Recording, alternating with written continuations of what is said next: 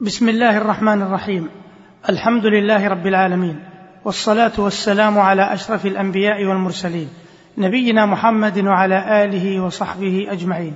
أيها المستمعون الكرام سلام الله عليكم ورحمته وبركاته. أما بعد فإن الحديث في هذه الحلقة سيدور حول بعض الأحاديث الضعيفة والموضوعة في الدعاء.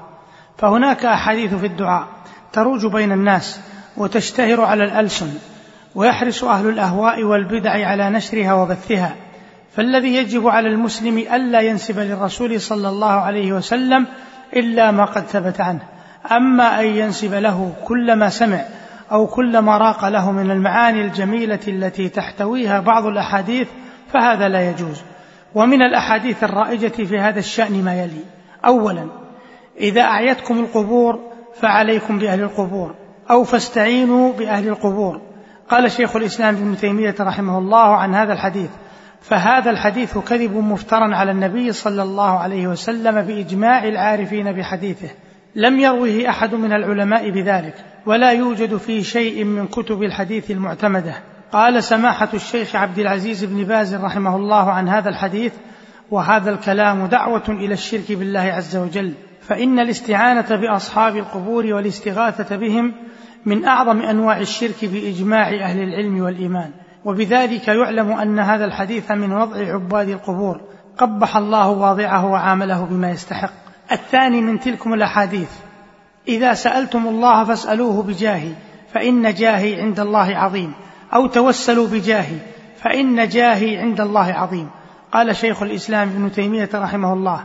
وروى بعض الجهال عن النبي صلى الله عليه وسلم أنه قال إذا سألتم الله فاسألوه بجاهي فإن جاهي عند الله عظيم. وهذا الحديث كذب ليس في شيء من كتب المسلمين التي يعتمد عليها أهل الحديث ولا ذكره أحد من أهل العلم بالحديث. وقال الشيخ الألباني رحمه الله لا أصل له وقال ومما لا شك فيه أن جاهه صلى الله عليه وسلم ومقامه عند الله عظيم فقد وصف الله تعالى موسى بقوله وكان عند الله وجيها ومن المعلوم أن نبينا محمدا صلى الله عليه وسلم أفضل من موسى فهو بلا شك أوجه منه عند ربه سبحانه وتعالى. ولكن هذا شيء والتوسل بجاهه صلى الله عليه وسلم شيء آخر فلا يليق الخلط بينهما كما يفعل البعض. إذ إن التوسل بجاهه صلى الله عليه وسلم يقصد به من يفعله أنه ارجى لقبول دعائه وهذا أمر لا يمكن معرفته بالعقل. إذ إنه من الأمور الغيبية التي لا مجال للعقل في إدراكها فلا بد فيه من النقل الصحيح الذي تقوم به الحجة وهذا مما لا سبيل إليه البتة.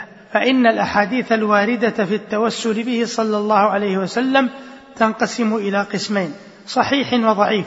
أما الصحيح فلا دليل فيه البتة على المدعي مثل توسلهم به صلى الله عليه وسلم في الاستسقاء. وتوسل الأعمى به صلى الله عليه وسلم فإنه توسل بدعائه صلى الله عليه وسلم لا بجاهه ولا بذاته. ولما كان التوسل بدعائه صلى الله عليه وسلم بعد انتقاله إلى الرفيق الأعلى غير ممكن كان بالتالي التوسل به بعد وفاته غير ممكن وغير جائز. ومما يدلك على هذا أن الصحابة رضي الله عنهم لما استسقوا في زمن عمر توسلوا بعمه صلى الله عليه وسلم العباس ولم يتوسلوا به صلى الله عليه وسلم.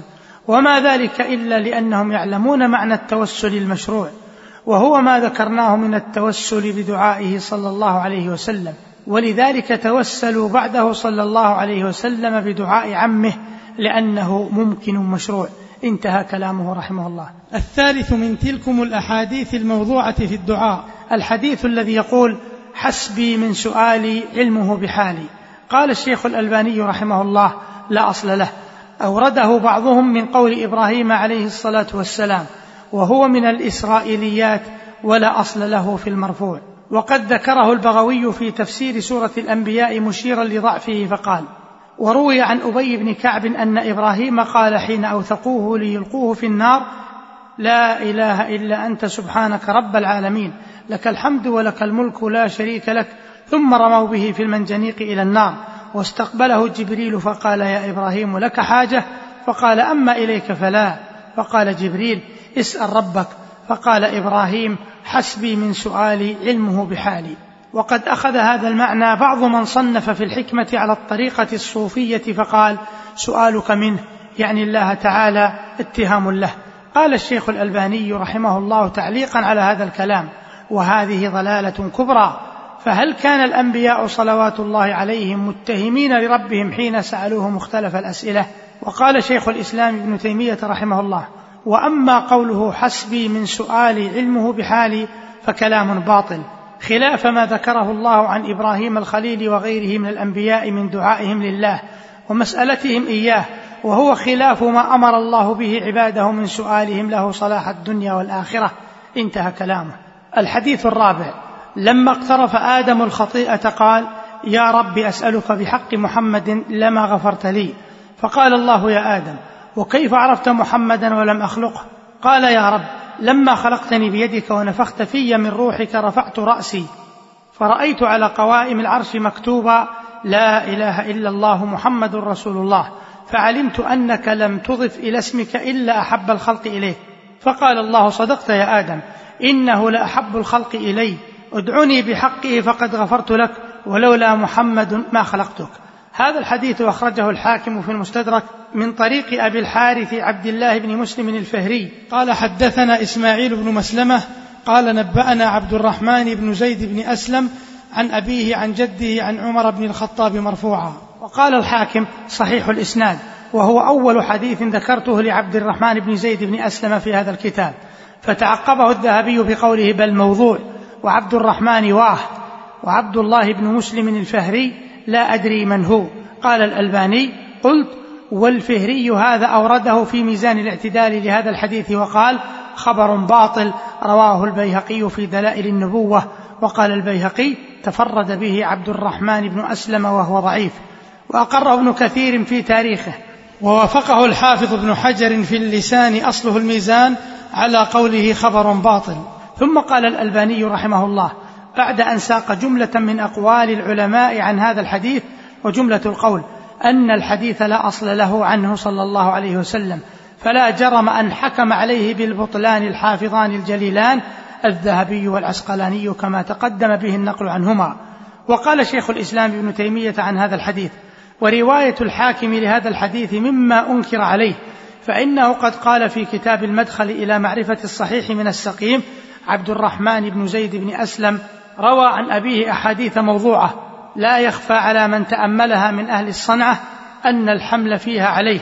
قلت والقول لشيخ الإسلام ابن تيمية وعبد الرحمن بن زيد بن أسلم ضعيف باتفاقهم يغلط كثيرا ضعفه أحمد بن حنبل وأبو زرعة وأبو حاتم والنسائي والدار قطني وغيرهم. انتهى كلامه رحمه الله.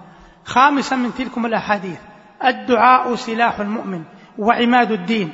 ونور السماوات والأرض. رواه الحاكم في المستدرك من حديث علي وقال هذا حديث صحيح ووافقه الذهبي وقال الهيثمي في مجمع الزوائد. رواه أبو يعلى وفيه محمد بن الحسن بن أبي يزيد وهو متروك وقال الألباني في الضعيفة موضوع. سادسا من تلكم الأحاديث. إن الرزق لا تنقصه المعصية ولا تزيده الحسنة وترك الدعاء معصية. قال الهيثمي في مجمع الزوائد. رواه الطبراني في الصغير.